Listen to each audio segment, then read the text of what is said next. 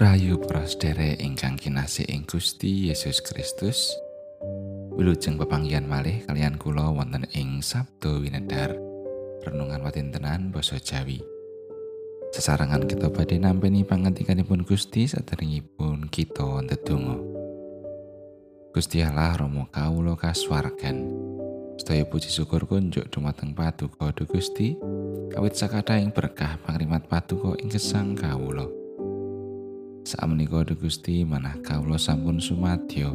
Sumuga Gusti paring pangantikan. Kawula ngrumaosi tasih kathah dosa kelepatan ing ngarsa patuko. Mugi Gusti kersa ngapunteni. Wonten ing asmanipun Gusti Yesus Kristus kawula ndedonga lan saos syukur. Amin.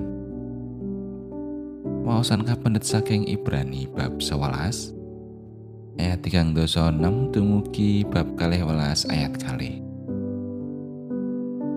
Ono maneh kang dipoyoki sarta disapu malah ono kang dibondo sarta dikunjara.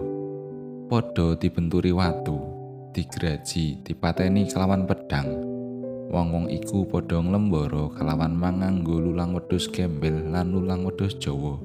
Padha kacingkrangan disangsara sarta dikaniaya Donya iki ora pantes tumrap wong-wong iku. Padha nglambrang ana ing pasamunan sarta ing pagunungan. Sajroning guwa-guwa sarta ing luweng-luwenging bumi. Sarta wong iku kabeh padha ora tampa apa kang kaprastiyake iku. Sanadyan pracayane wis aweh paseksen kang becik tumrap wong-wong iku.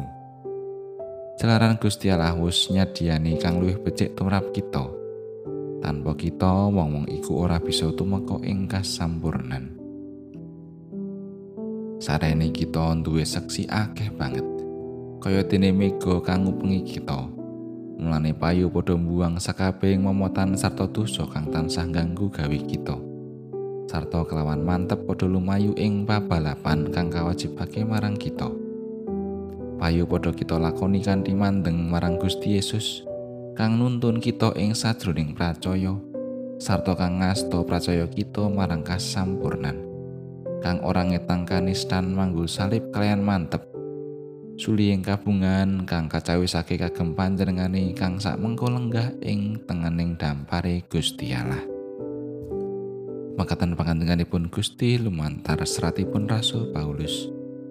Ayat naskah pendet saking ayat kali payo padha kita lakoni kanthi mandeng marang Gusti Yesus.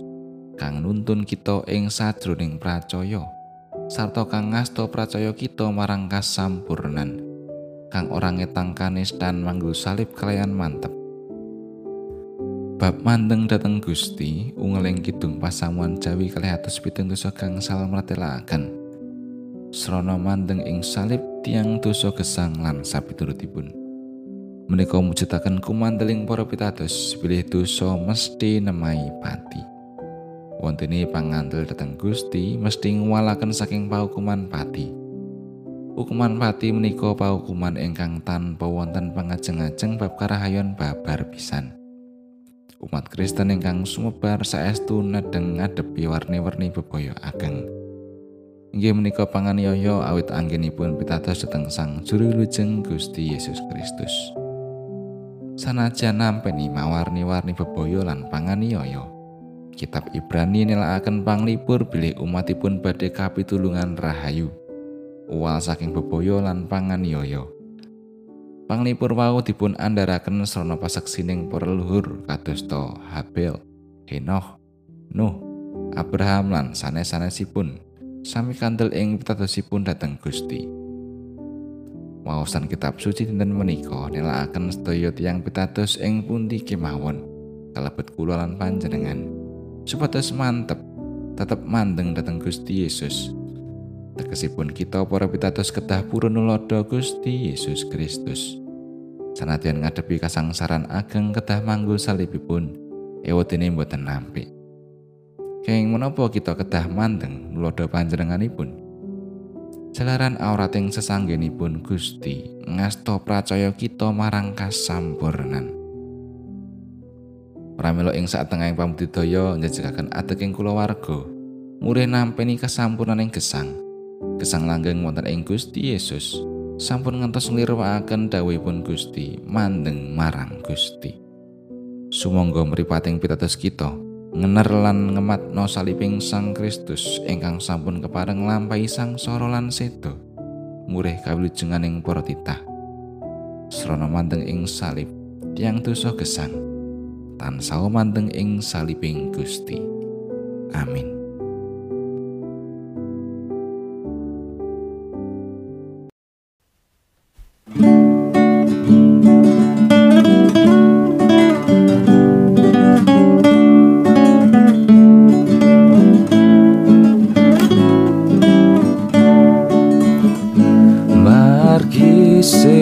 Paduka.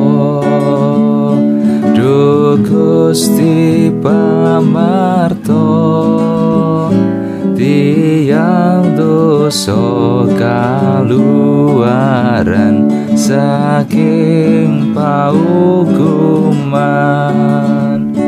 Ipo atiniro